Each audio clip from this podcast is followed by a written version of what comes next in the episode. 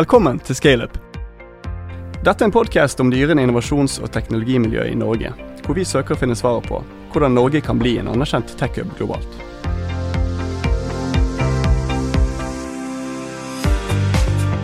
I dag har vi Per Thorsheim på besøk. Per er leder for IT-sikkerhet i Choice Hotels i Norden og har over 20 års erfaring fra sikkerhetsfaget, bl.a. fra PwC, Evry, Choice og egne konsulentselskaper. Han er godt kjent for å være en av verdens fremste passordeksperter, og arrangerer årlig en konferanse om en fagområde. Og Per er hyppig i media for å snakke om IT-sikkerhet. Velkommen, Per. Takk, takk.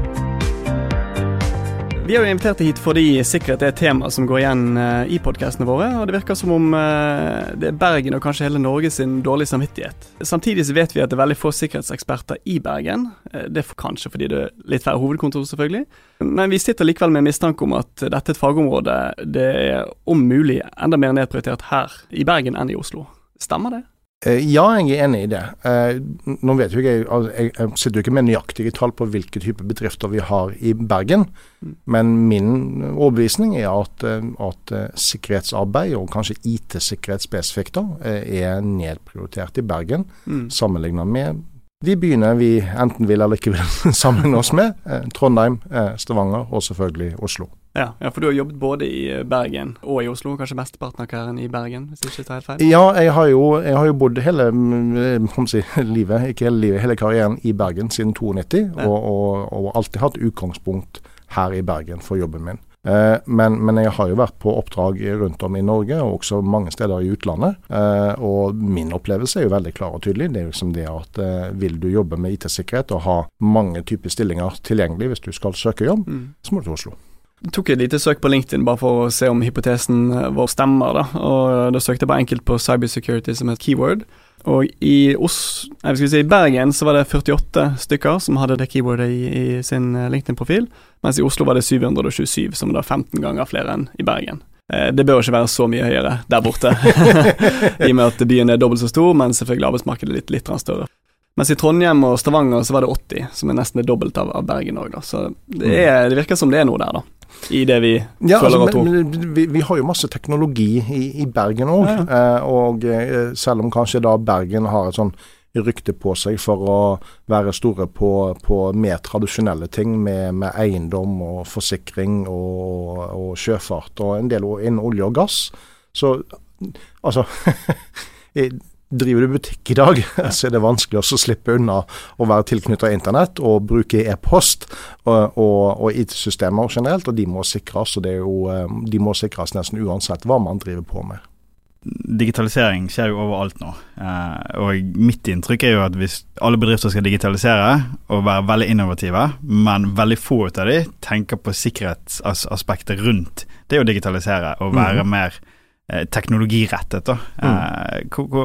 Eh, er, det, er det, stemmer det at det, du blir de nedprioriterer sikkerhet framfor å være kjapt ut i markedet med nye løsninger? Du kan også si mye på dette her, men, men det er jo veldig viktig kanskje aller først å si det at det er ingen som starter en bedrift hvor hovedformålet med bedriften det er å etterleve alle lover og regler som finnes til enhver tid og ha best mulig sikkerhet. Det er en bedrift som aldri vil kunne klare å starte, og som heller ikke vil få funding. Mm. Eh, og selv ikke jeg ville finne på å prøve å starte den bedriften der. eh, men med det sagt, så er, så er, det jo da sånn at det er jo snakk om å skape business. Og skal man skape business, så må du ta en sjanse. Uansett hva du skal. Eh, og, og, til tider så må du ta veldig stor risiko òg. Altså, sånn er det å starte bedrift, sånn er det å lansere nye produkter, og være innovative. Mm. Men akkurat når det gjelder digitalisering, om det så er da enten i private bedrifter eller også i større grad i offentlig sektor, så er det viktig å huske på at ja, vi må digitalisere. Men man skal jo vite hvorfor digitaliserer vi. At Finansavisen og Dagens Næringsliv har sagt at det er lurt betyr ikke at det er lurt i din offentlige etat eller i din bedrift. Mm. Eh, det kan være tvert om. Det kan være lurt å ha ting på papir fortsatt. Eh, det kan også være sånn med digitaliseringen at vi skal ikke digitalisere for enhver pris. Det kan være dyrt å digitalisere. Eh, og så har du òg at en del av den tvilen som man har sett i offentlig sektor når det gjelder digitalisering, det er jo det at mange har holdt tilbake fra å digitalisere fordi de er redd for at dataene blir brukt på feil måte. Den diskusjonen har jeg hatt tidligere med, med Torgeir Waterhouse når han var i IKT Norge.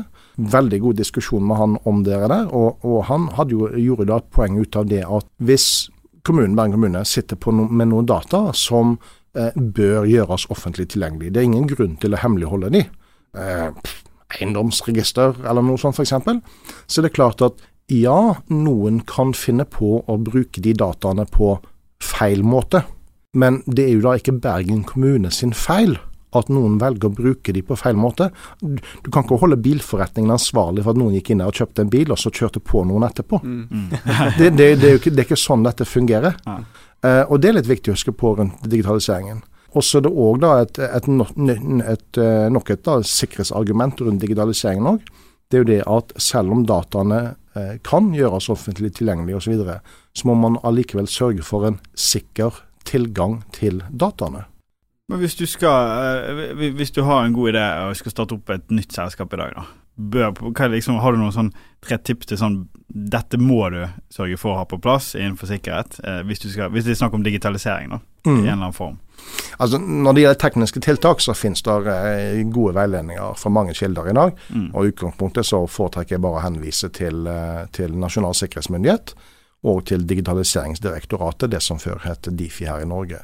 De har gode veiledere, og det, du kan egentlig bare ta, ta ut den eh, dokumentene som de har, og så kan du legge de med som vedlegg til ethvert firma du går til, som skal lage websider eller sette opp mail eller en skyløsning for deg. Mm. Si fra at vi vil ha det i tråd med disse anbefalingene her, enkelt og greit. Mm. Eh, det er et godt sted å begynne.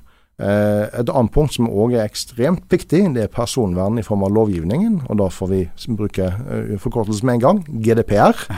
Eh, som jeg òg har blitt veldig godt kjent med i, min jobb. Eh, og der er det da eh, noe som mange sliter med den dag i dag. Det er at man skal gjøre da en personvernvurdering basert på eh, brukerens perspektiv, altså kundens perspektiv. Så det handler ikke om hvordan skal du beskytte din butikk, din virksomhet, mot søksmål eller datainnbrudd eller økonomisk tap. Du skal faktisk også gjøre en vurdering som sier dersom mine data om mine kunder kommer på avveie, hvilke konsekvenser kan det få for mine kunder? Ja, det, det, er ikke lett å være en startup eh, nå for tiden. Det, det, det, er mye å tenke på. Det er jo eh, ja. eh, altså bare, bare, GDPR eh, i seg sjøl er jo ganske komplekst å sitte seg inn i. Mm -hmm. og du skal helst ha tunge bein til munnen for å gjøre ting riktig i tråd med GDPR. Ja. Eh, som en nyoppstartet eller etablert foretak òg, sånn sett. da. Og det er jo sånn, En ting som er litt interessant å se på, er jo hvordan GDPR når vi først er inne på det, hvordan det påvirker innovasjonen i Europa generelt, hvis du sammenligner med f.eks. Kina, som er helt motsatt, da, mm. eh, og heller har mer på at du også, Jeg har faktisk forstått det sånn at de begynte med overvåkning av innbyggerne. Er det riktig? Ja, eh, man, altså, diskusjonen rundt overvåking, om det er mm. kameraovervåking eller andre typer overvåking, den raser for fullt også i Europa, vil jeg påstå. Mm. Og Det har jo bl.a. vært opp til diskusjon vel, også på EU-nivå om man f.eks. skal eh, forby ansiktsgjenkjenning på offentlig sted, fordi det blir et eh, voldsomt eh, inngrepen i privatlivet. Eh, og Det siste som går nå, de siste dagene, er jo da et amerikansk selskap som da på en måte har blitt avslørt. De har eh, solgt ansiktsgjenkjenningsløsninger til mange ulike land. Norge står oppført som en av kundene, men det står ikke hvem i Norge, det, så man kan jo bare spekulere. Det var vel noen i politiet som hadde testbrukere der? Også. mulig, mulig, mulig. mulig, ja. Eh, men, men, dette amerikanske firmaet de sier jo da at de har jo da gravd fram bilder fra Google og fra Facebook og Snapchat og alt mulig rart på folk, for da også legge de inn i databasen sin, sånn de i prinsippet da skal kunne bli i stand til å identifisere deg, selv om du aldri har gitt ditt samtykke og aldri har hatt noe med lovens lange arm å gjøre osv. Så, videre, så skal de da kunne holde opp et kamera mot deg på gaten, og i løpet av sekunder så skal de da vite hvem du er. Mm. Og det er sånn, ja, er vi, er vi tjent med det, da? Uh, uh, hva om du går ut på byen og bruker den på uskyldige mennesker, om det er menn eller kvinner som står der, og du kan gå bort, du har aldri sett vedkommende før. Ta et bilde på avstand, og noen sekunder etterpå så vet du hva de heter, hvor gamle de er, deres eh, sivilstatus og hvor de bor. Jeg tror mange vil bli skremt av det. Mm. Eh, jeg tror de færreste vil ta det positivt. Men det er jo, det er jo sånn, altså i forhold til spesielt i forhold til Kina, de som, på en måte sånn kulturelt er helt annerledes. og Det, det er ikke Mm. noen restriksjoner, ingenting. Eh, og du snakker om AI, som vi har vært litt inne på i tidligere podkaster. Eh, og så sikkerhet er kanskje jeg, jeg føler at det er ikke så høyt prioritert der nede. Eh, og så den sikkerheten i den forstand at du har Mm. eh, innbyggernes sikkerhet, eller brukernes sikkerhet. da. Eh, Mm. Det tenker de nesten ikke på. Ja, ja, ja, det det er jo rart med det. for Det det er jo kulturforskjellen som er vanskelig å forstå. For jeg tror nok at du vil se at kinesiske myndigheter sier jo men dette er jo for å beskytte våre innbyggere mot kriminelle. Det er jo det det er. Men deres oppfatning av hva kriminelle er, eh, sett fra statens side som en ettpartistat, er litt annerledes enn vår oppfatning av hva som er kriminelle-. For der er du motstander av staten der nede, så er du kriminell. Er du motstander av staten her, så er du på den andre siden sammenlignet med de som eh, eh, leder nå. Men det er ikke kriminelt. Mm. Eh, det er bare sånn du, Da er du bare i opposisjon, og det er, det er lovlig her. Det er da eh, ulovlig der nede. Men det er det sosiale og kulturelle forskjeller som for oss er vanskelig å forstå.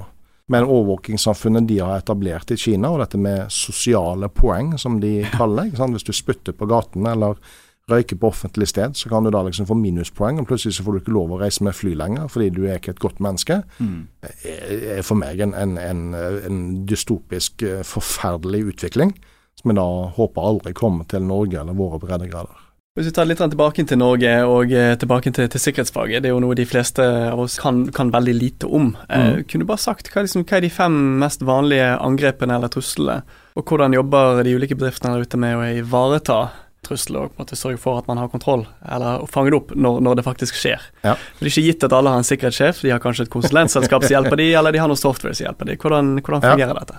Eh, En ting som jeg er veldig sterk pådriver for når det gjelder liksom, si, svakheter, det er at gamle og enkle triks fortsatt fungerer fantastisk bra.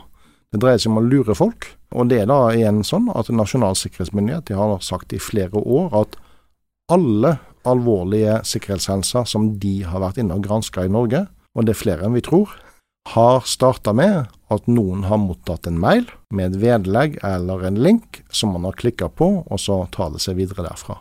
Og det er så enkelt, og det er så vanskelig. Grunnleggende lurer folk, eh, basert på å si at dette er et tilbud som bare varer en veldig kort tid, så du må, du må svare nå. Eller noe er galt med kontoen din, og den blir deaktivert. Netflix-kontoen din blir deaktivert hvis ikke du gjør noe innen en time. Så du setter folk under press, eller du lokker dem med et tilbud for å få dem til å handle da uaktsomt i løpet av veldig kort tid. Det fungerer utrolig bra. Det gjør man på mail, det gjør man på telefon. Altså hei, dette er fra Microsoft. eh, Du har virus på datamaskinen din, og vi trenger fjernstyreren for å Den telefonen er det mange av oss som har fått etter hvert. Fungerer utrolig bra i mange tilfeller. Eh, altså Helt grunnleggende sikkerhetstiltak er, er en stor mangel den dag i dag, som det var for 20 år siden. Det går på å lure folk. Mail, telefon eh, osv. Det dreier seg lite om å forstå og bruke noen avansert teknologi. Har vi noen gode verktøy for å beskytte oss mot eh, den type angrep som, som det der? Vel, det er jo selvfølgelig en del av dette her går jo på opplæring av ansatte. Eh, nok en gang en, en sånn eh, peke, pekefinger fra Bergen til Oslo her. Det sitter mange sikkerhetsfolk og avdelinger i Oslo som ser ut til å aldri reise ut utenfor eh, Bjørvika, eh, Slottet, eh, eh, Lillestrøm-triangelet. Eh, så det de gjør, er at de, gjør opplæring der, og så sender de et e-læringskurs som er da ti ganger to minutter til alle ansatte i resten av Norge. Og Der vet jeg, etter å ha pratet med folk rundt om land og strand i Norge, at det går sport i å prøve å komme gjennom disse e-læringskursene på raskest mulig tid, og allikevel få bestått. Null. Null læringseffekt. Eh, så, så det er en pekefinger til de. En annen som òg vil ta opp, det er egentlig det at en del av de tiltakene som bedrifter kan gjøre og bør gjøre, og som også er i tråd med anbefalinger fra Digitaliseringsdirektoratet for hele offentlig sektor, de er så billige og så enkle å implementere at det er helt umulig å finne noen konsulenter som er villige til å gjøre det. Fordi det er bare snakk om noen timers arbeid eller en dags arbeid per bedrift. Og det, det går ikke an for et stort konsulentselskap å gjøre det på en sånn måte at de får inntekt på det. Så de aller enkleste tiltakene er det ingen som gjør, fordi de er for billige å implementere. Det går ikke an å tjene penger på det, selv om de ville hatt veldig stor effekt. Det er ganske eh, overraskende, egentlig. Men er det noe man klarer, og så må man være sikkerhetsekspert for å kunne implementere det? Nei, det må man ikke være. Men, eh, men, men det krever nok en del teknisk innsikt. Så det er nok mange eh, teknikere i dag som, som ikke kan det. Men Digitaliseringsdirektoratet eh, har i utgangspunktet en veiledere som peker liksom til på hva dette er for noe, og hvordan det settes opp. Så rent teknisk, når det gjelder e-postsikkerhet, så vil jeg si at en som er proff, klarer også å fikse dette her for en bedrift kanskje i løpet av noen timer eller noen ytterst få dager. Men for en som eh, skal begynne å lese dokumentasjon og forstå det først, så kan det nok fort ta noen måneder før man er si, god nok, kompetent nok, eh, til også faktisk å klare å implementere det på en god måte. Mm. Men for mange bedrifter i dag så er jo f.eks. en mail det er jo en tjeneste som man ikke lenger drifter selv, man kjøper det av en ekstern part. Og der er jo da igjen en, en, en, mangel fra bedrifter. Det er jo det at man stiller ikke krav til sikkerhet til outsourcing-leverandør, fordi man tror at det ivaretar leverandøren. Mm. Og da må, man, da må, man, jo minne på om at det finnes ingen gratis lunsj. Du mm. må stille krav for at du skal få det, og også være forberedt på at da koster det litt mer. Mm. Sånn er det jo alltid. Men dette er gjennomgående overalt. Og noen av disse enkle tiltakene fra Digitaliseringsdirektoratet finnes ikke eh, en bank, det finnes ikke et forsikringsselskap, det finnes nesten ikke en offentlig etat i Norge som har implementert disse. Noen av disse standardene stammer tilbake fra 2010, 11, 12, 13, men ennå ikke implementert. Og det kan gjøres av en proff på et par timer. Jeg regner med det er implementert i Choice? Eh, jeg har ikke noe problem med å innrømme med en gang at i Choice Hotels vi, vi ligger godt foran mm. veldig mange i Norge. Mm. det gjør vi. Men vi er heller ikke i tråd med anbefalingene som Digitaliseringsdirektoratet har for offentlig sektor i Norge. Men min målsetning, vår målsetning er selvfølgelig å komme dit. Jeg, jeg syns jo virkelig det bare skulle mangle. Altså, dette er minimumsanbefaling for offentlig sektor i Norge. Eh, det er det, I all beskjedenhet så bør de fleste bedrifter kunne klare seg å overholde det, men det stemmer det altså ikke i dag. Hvor stor må bedriftene være da for å ansette en egen uh, IT-sikkerhetssjef eller en uh, spesialist på, på, området? Eh, da må du egentlig være en ganske stor bedrift, mm. og, i, og, i, norsk målestokk så vil det da være en stor bedrift. Jeg vil sagt at Du, du har fort noen hundre ansatte ja. før det er aktuelt å ansette en sikkerhetssjef, eller også leie noen inn i, i en 50% stilling f.eks. Mm så sant det ikke er snakk om en bedrift som da er f.eks. underlagt sikkerhetsloven, og da produserer ting for politi og forsvar osv. For da er det bare klar beskjed om at dette skal man ha. Men da er man en spesialisert bedrift, og, og prising på produkter osv. følger da også de kravene.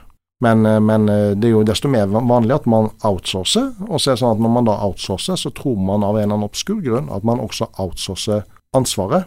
Og det er jo helt feil. Du kan outsource alt utenom ansvaret. Går noe galt, så kommer loven og vil prate med deg, ikke din leverandør. Mm.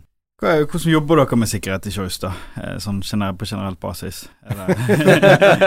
oh, stort spørsmål. du, um, min bakgrunn er jo sånn at jeg har da jobba med IT-informasjonssikkerhet uh, i, i, alle mine år. Og jeg har da jobba med bank, finans, teknologi, uh, litt grann mot store industribedrifter uh, i alle år. Um, og det jeg da ble veldig overrasket over eh, Jeg prøvde å forberede meg mentalt på det, men jeg da blitt veldig overrasket over når jeg begynte i Norway Choice nå for to og et halvt år siden. Det er da egentlig hvor mye fysisk sikkerhet vi også jobber med. Veldig, veldig enkelt eksempel. Luringer som går inn i frokostsalen om morgenen og så prøver å stjele vesker eller mobiltelefoner når folk er borte og henter sin mat. Vi kan sette opp plakater og alt mulig rart for å advare dem om at dette er en risiko. Den er liten, men det kan skje. Men eh, folk eh, skal ha mat, og tenker ikke så mye over det. Og det er veldig upraktisk å bære en veske eller mobiltelefon bort til matfatet når man skal fylle på med to hender. Eh, og måten vi da jobber hos oss, som, som da er fascinert av, det er at vi jobber med IT-sikkerhet. Ja, vi har jo veldig mye opplysninger om veldig mange gjester. Vi har jo eh, millioner av mennesker som bor hos oss, og, og titusenvis som kommer inn døren hver eneste dag for å bo hos oss. Men vi ser da at IT-sikkerheten henger også tett sammen med den fysiske sikkerheten. Eh, og det er det andre som opplever òg. Det blir nesten som å si at digitale penger må gjøres om til fysiske penger, eller fysiske verdier, eh, før du har si, realisert det. Og mye penger på konto er ikke det gir ikke noe. det er først når du har fått den nye bilen eller den store luksushytten eh, på, på Geilo, eller har fått tatt deg en dyr utenlandsreise, at du på en måte si, kriminelt får noe igjen for pengene. Eh, så hos oss så har vi faktisk flere mennesker som jobber da med fysisk sikkerhet, enn vi har med av folk som da jobber med IT-sikkerhet. Mm. Hos oss, ja, hos oss er det et større kan vi si, ikke større problem. Det er en, eh, husk, vi vil jo selvfølgelig ikke at våre gjester skal bli matforgifta. Men det er et problem som du typisk ikke har i en IT-bedrift. eh, og så videre. Eh, vi, eh, vi, driver hotell, og, og, jeg må jo si sånn, det, det skjer mye rart på hotell. Og vi gjør jo selvfølgelig også vårt for at vi skal f.eks. unngå menneskehandel og prostitusjon hos oss. Mm. Ja, ok vel, det finnes kanskje en snev av finansiell prostitusjon òg i en del andre bransjer, men vi har det da i ren fysisk form hos oss, eh, osv. Og, og det er noe som vi kjemper aktivt mot. Eh, og igjen, har ingen sammenheng med IT-sikkerhetsarbeid i det hele tatt, f.eks. Mm. Så det, det er fascinert av hos oss. Eh, og som sagt, vi har da flere som da jobber med fysisk sikkerhet enn vi har med, med IT-sikkerhet. Vi, vi, ser den fysiske sikkerheten hver dag på, på alle våre 210 hoteller i seks mm. land i Norden. Eh, så kan det dukke opp utfordringer som gjør at vi trenger da, si, fysisk sikkerhet for oss og for våre gjester. Ja.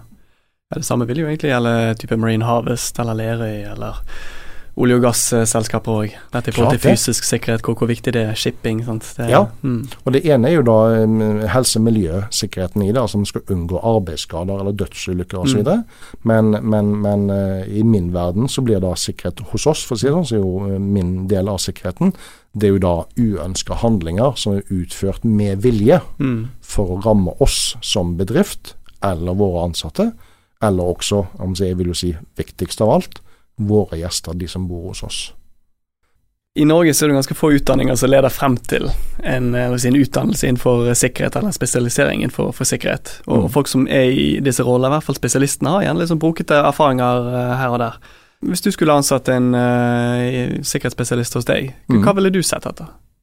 Og, vel, utdannelsen er interessant, det er den. Men, men utdannelsen er for meg underordna interesse for faget og litt avhengig av type stilling jeg skal ansette til innen sikkerhet, eh, så er det, ulike, det er også ulike egenskaper ved personen jeg er på jakt etter. For min egen del, tidsfrister er et veldig flytende begrep for min del, fordi jeg skal gjøre ting ordentlig. Eh, men det betyr ikke at jeg leverer til mandag klokken 08.00, selv om noen har satt den fristen der. Eh, I noen tilfeller så er jeg interessert i noen som kan være petimeter, og som dokumenterer og fullfører, og er god på det. Og de kan da være igjen eh, studenter som da har eh, tatt lang utdannelse, og som er gode på, på, å strukturere data. Men den andre typen mennesker som jeg er veldig gira på, det er de som har en sånn levende interesse for dette her, og elsker å finne ut av ting, men som da er rotete og uorganisert opp og ned i mente, som ikke kommer på jobb før klokken 11 på formiddagen, og fungerer best etter klokken 9 om kvelden. Uh, der har jeg selv vært, for å si det sånn. Uh, de, de, trenger ikke ha utdannelse i det hele tatt, for min del. Men de skal la, si, vise for meg at, at, de har interessen, og at de da er veldig, veldig kreative. Og, en viktig egenskap da innenfor sikkerhetsområdet da er det ikke bare kreativiteten, men det er også da en evne til å vise at du klarer å tenke sånn som hackerne gjør. Hvorfor er du interessert i å hacke en bedrift? Hvorfor er du interessert i å få adgang på brukerdatabasen? Hva kan vi bruke alle brukernavnene og passordene til fra en database? Hvorfor er vi interessert i å finne ut av hvor eh, folk har bodd hos oss, eller hvor mange ganger de har bodd hos oss osv. Hva er poenget med det? Mm. Hvorfor skal vi prøve å stjele kredittkort? Og Merkelig nok, det er jo noen som ikke klarer å få Nei, stjele kredittkort? Nei, hva skal jeg med det? Jeg klarer ikke å bruke det allikevel. Sånn, ja, da får ikke du jobb hos meg. Eh, jeg, jeg, jeg, jeg, trenger at du kan se den. Mm. Så igjen, avhengig av, av, av stillingen jeg søker til. Men det jeg gjør, fordi jeg da er en av de som ikke har eh, fullført eh, noe høyere utdannelse i det hele tatt, jeg har ikke bachelorgrad engang, eh, så jeg er veldig veldig opptatt av å si til folk at det er lurt å studere og det er også lurt å fullføre studiene sine. Jeg, jeg, har hatt flaks, jeg har hatt mye flaks, og jeg har hatt det flere ganger på rad.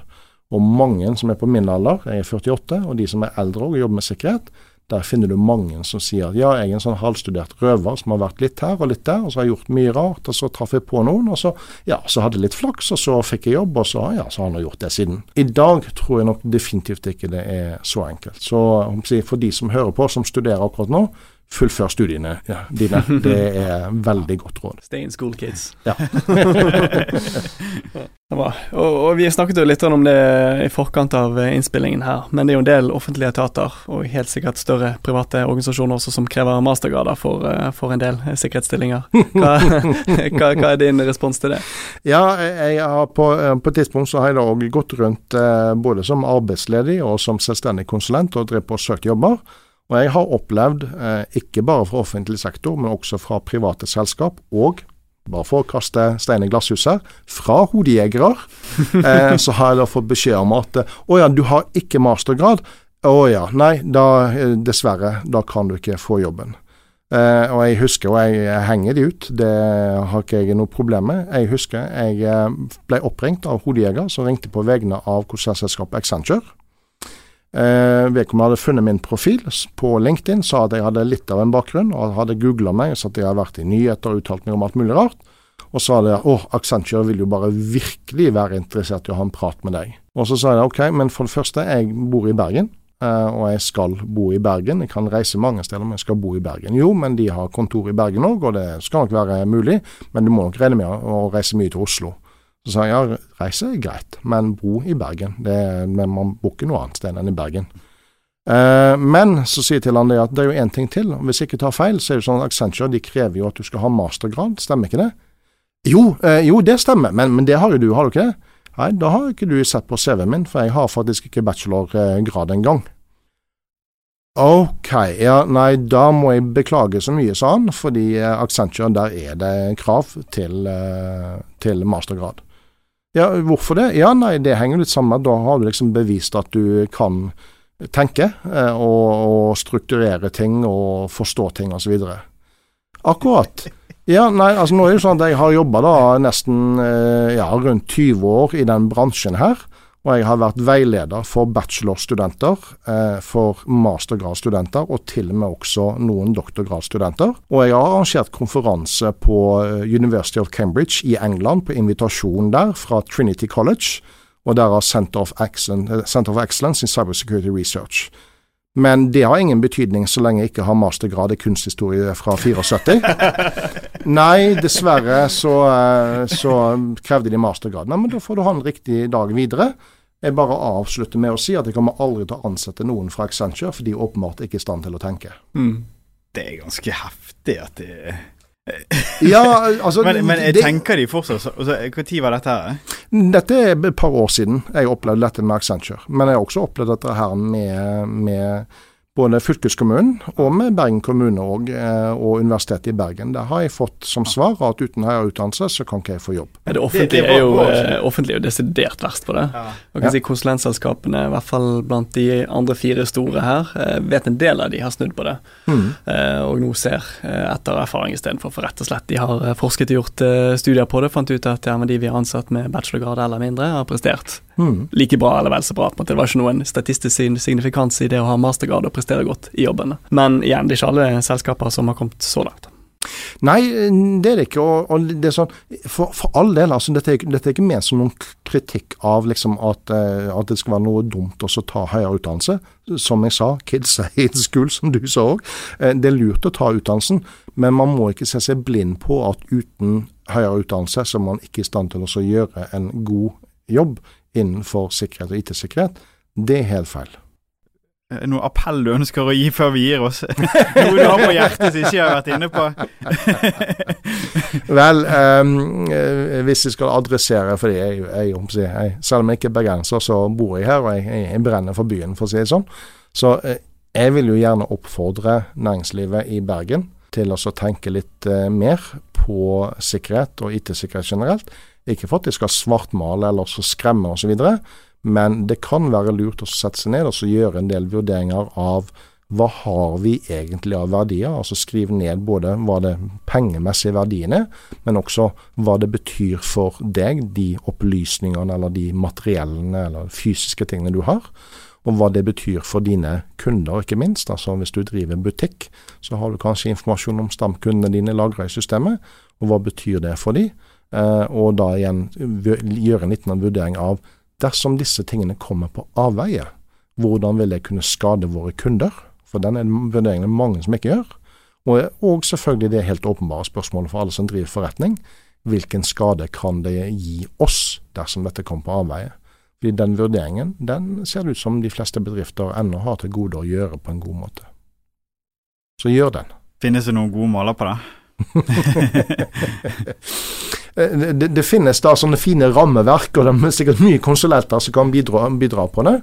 Men hvis du setter ned en liste over hvilke verdier du har, eh, og verdier kan defineres som mye, eh, om det er fysiske varer, eller om det er personopplysninger, om det er regnskapstall, du skal også vurdere, eh, sette ned en liste over hvilke trusler er det du tror at du står overfor. Er det, er det kinesisk etterretning som er interessert i å ta deg, eller er det bare ungdomskriminelle som har lyst til å hacke deg fordi de syns det virker gøy å gjøre det. Og så har du hele skalaen imellom. Være litt fornuftig på den. Eh, og sist, men ikke minst, så skal du la skrive ned og liksom, hvilke svakheter har du hos deg. Har du aldri gjennomført sikkerhetsopplæring for ansatte? Det vil jeg si er en svakhet. Eh, har du ingen idé om dere bruker såkalt tofaktorautentisering for liksom å være sikker på at det, det, ikke skal være så lett å hacke seg inn i databasen din, skriv ned. Det er en svakhet at du ikke har det og prat med leverandøren din liksom, og spør sin leverandøren din hvilke svakheter har vi i dag som dere er kjent med, de, for de kan helt sikkert liste opp noen. Så får du se disse i sammenheng. Trusler du står for, verdier du har, og hvilke svakheter du har, og så se de i, i, sett i, i, sammenheng. Hvis vi ser fem år frem i tid, nå går jo teknologiutviklingen ekstremt fort. Hvilke nye utfordringer blir vi møte på i 2025 som vi ikke har i dag? Eh, vel, digitaliseringen Eh, som, som, går i stor hastighet, og eh, kanskje også går litt ukontrollert en del steder, den tror jeg nok skaper utfordringer for oss rundt eh, personvernet i framtiden.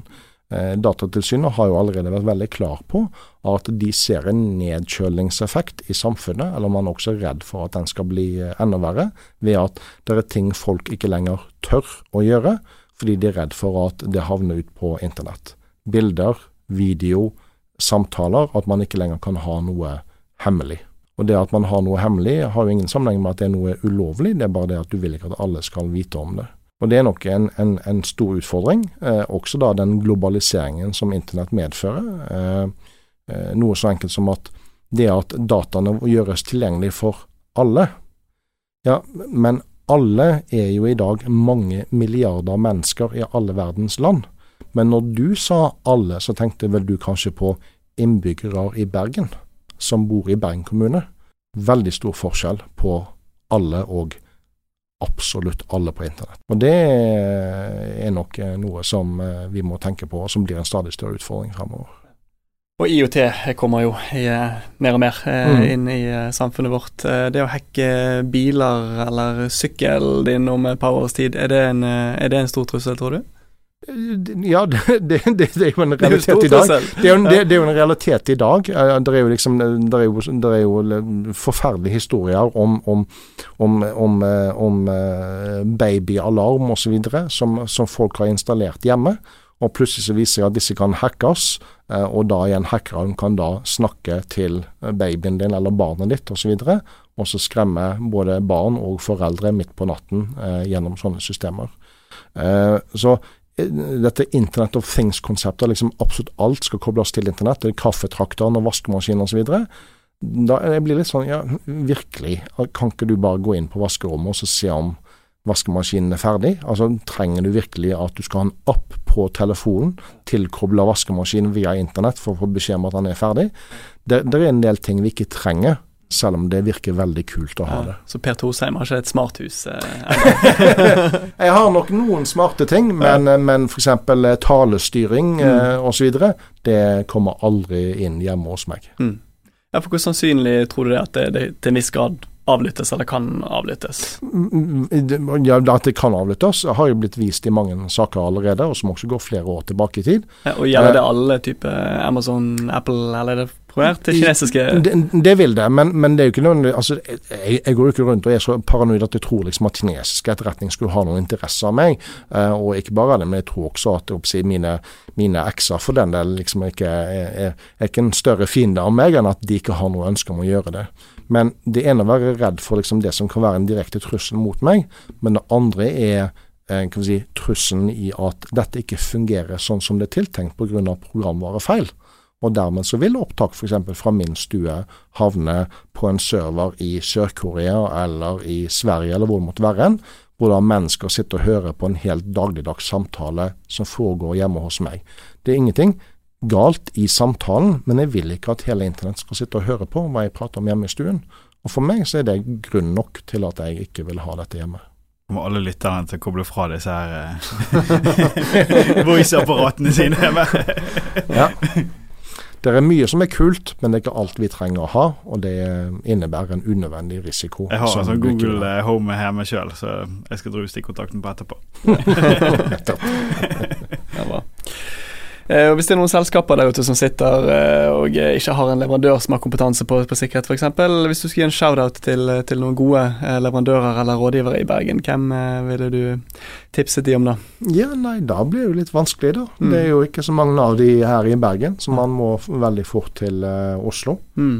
Uh, Sånn rett ut av hodet nå, så tror jeg egentlig jeg vil bare si eh, at eh, det å ringe til Nettsecurity mm. Eh, og Chris Dale, som er en av de som holder til i Sitter han på Askøy, da, men uh, vi, får, vi, får, gi han det. Uh, det kan være en av de som kan være verdt å gå til. Men, uh, men sikkerhetsbransjen som er i Oslo, er veldig lite representert her i Bergen på generell basis.